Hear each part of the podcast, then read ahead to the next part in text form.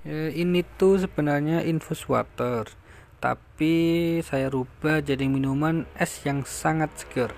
Bikinnya simple, tinggal cemplung-cemplung. Cocok kalau diminum selepas sang panas-panasnya, bikin badan segar lagi. Jadi bahannya itu satu jeruk lemon, daun mint, madu, gula cair, dan es batu. Air secukupnya. Langkah-langkahnya cuci bersih jeruk dan daun mint Potong tipis-tipis jeruk, campur semua bahan. Komposisi selera masing-masing ya. Lebih suka agak asam atau manis, terserah kalian.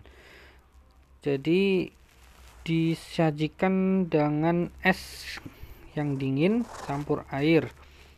Putar-putar-putar, dikocok, akhirnya jadi deh. Selamat mencoba es lemon mint yang segar dan menyehatkan.